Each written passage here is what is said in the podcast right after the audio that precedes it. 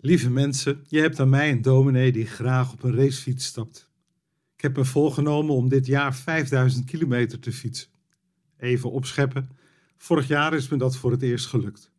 Al fietsend heb ik natuurlijk volop tijd om na te denken. En ik ben tot de conclusie gekomen dat ik vier parallellen kan trekken tussen racefietsen en geloven.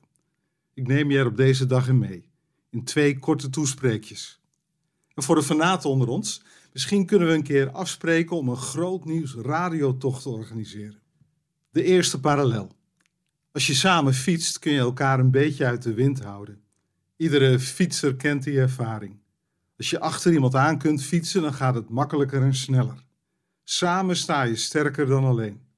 Een hele tijd terug wilde ik me in een groepje wielrenners bewijzen door er heel veel op kop te gaan fietsen. Nou ja, je voelt hem al aankomen. Dat liep niet goed af. Ik had veel meer moeten schuilen in de luwte van de groep. Ik vind dat zo'n mooi beeld van kerk zijn. Van alle groepen en kringen die georganiseerd worden. Wie kan ik een beetje uit de wind houden? Wie kan ik een beetje helpen om het vol te houden? En andersom, ben ik bereid om me een beetje te laten helpen?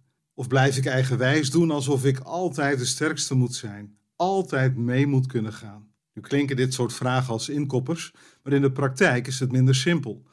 Onze maatschappij heeft het individualisme zo hoog in het vaandel staan dat het voelt als een opdracht om vooral bezig te zijn met je eigen geluk. Een ander helpen om het vol te houden mag dan niet ten koste gaan van jezelf. En toegeven dat je het niet redt, staat de boek als een teken van zwakte. Breek daar nou eens doorheen. Een tweede parallel. Als je het wielrennen iets meer volgt, dan weet je dat racefietsers met oortjes rondrijden. Op die manier kunnen ze de adviezen en de bemoedigingen van hun ploegleider horen. Hoe zou dat zijn in het dagelijks leven? Iemand die steeds met je meekijkt en adviezen geeft. Doe dit, doe dat.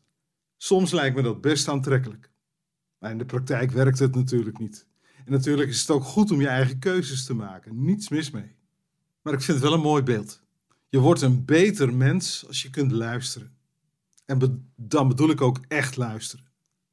En je boft als je mensen om je heen hebt staan die met je meeleven, meedenken en goede adviezen kunnen geven.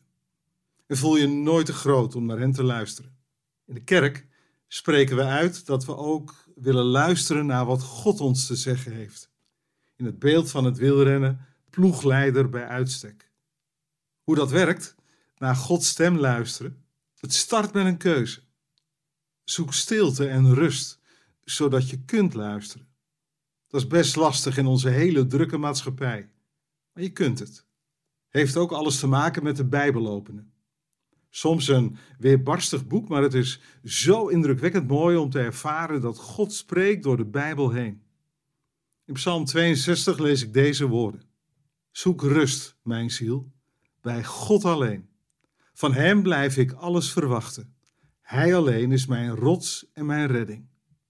Misschien staat dit ver van je vandaan. Maar wil je er wel meer over weten? Er zijn tal van mogelijkheden. Ik tip de Alpha-cursus. En voor nu, ik stop. Straks nog twee parallellen.